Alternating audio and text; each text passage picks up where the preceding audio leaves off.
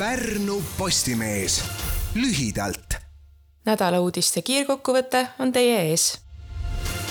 Eesti parim kettagolfar Kristin Tatar krooniti Tallinna Lauluväljakul esimest korda Euroopa meistriks.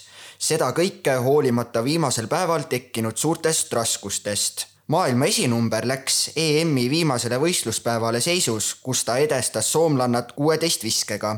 ootamatult läks aga kõik Tatari jaoks väga keeruliseks. edu sulas ja soomlanna jõudis kaks rada enne lõppu üksnes kolme viske kaugusele. siiski suutis pärnakas pea külmana hoida ja ülikeerulise päeva võidukalt lõpetada nädala alguses toimus Lääneranna vallas üsna ebatavaline kuritöö, kui vargad saagisid Lihulase ärihoone puitseina sisse augu ja näppasid eri esemeid kuue tuhande seitsmesaja euro eest. kõige rohkem kahju oli varastatud puitpelletite valmistamise matriitsist. kuna majas olid varemgi vargad käinud, oli ettevõte juba valmistunud ning valvekaamera paigaldanud. Pärast järjekordset sissemurdmist tegutses ettevõtte omaniku abikaasa Kristina Kukk kiirelt ta võttis öötundidel hoones lindistatud kaamerapildid ja postitas kohaliku kogukonna sotsiaalmeediakontole. oli minutite küsimus, kui naisel oli sellest seltskonnast juba kolm nime teada. Valgeranna all mõrda tühjendanud Hando Tamm leidis võrgust üllatusega kala, mida ta pole siinsetes vetes kunagi varem saanud tegemist oli seitsmesaja kuni kaheksasaja grammise hunttahvenaga, keda pole teadaolevalt seni Pärnu lahes püütud Eesti vetes on enne välja toodud kaks hunttahvenat, mõlemad kahe tuhande kümnendal aastal. Sindi diskgolfi rajal lahvatas skandaal juhusliku möödakäija ning koeraomaniku vahel, kui kolmekümne viie aastane mees, Tiktokis tuntud kui leivaisa kuus kuus kuus, oma koerale Pepele kettaga vastu nina andis.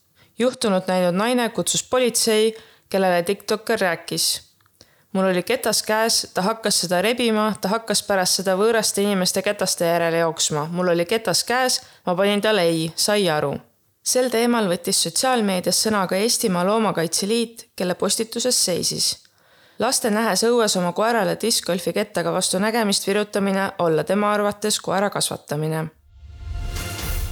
sügisel avatakse Pärnus siinkandis ainulaadne sisegolfikeskus, kus saab simulaatoril golfi mängida ilmast ja aastaajast sõltumata.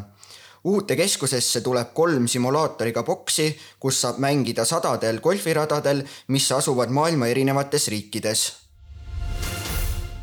Lääne piirkonna kutselised päästekomandod selgitasid Paikuse politseikooli territooriumil välja, kes neist pälvib Lääne päästekeskuse iga-aastasel päästjate kutsemeisterlikkuse võistlusel eliitkomando tiitli. pritsimehed võtsid mõõtu viiel alal.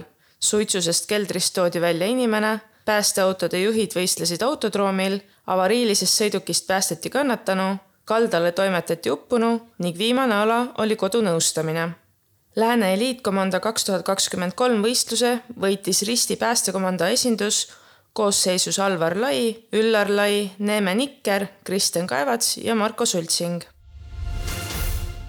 kõiki lugusid saab põhjalikumalt lugeda Pärnu Postimehe veebist. uudised valisid ja lugesid ette Karl Hütt ja Grete-Liisa Sihver Pärnu Postimehest. Kuulmiseni. Pärnu Postimees lühidalt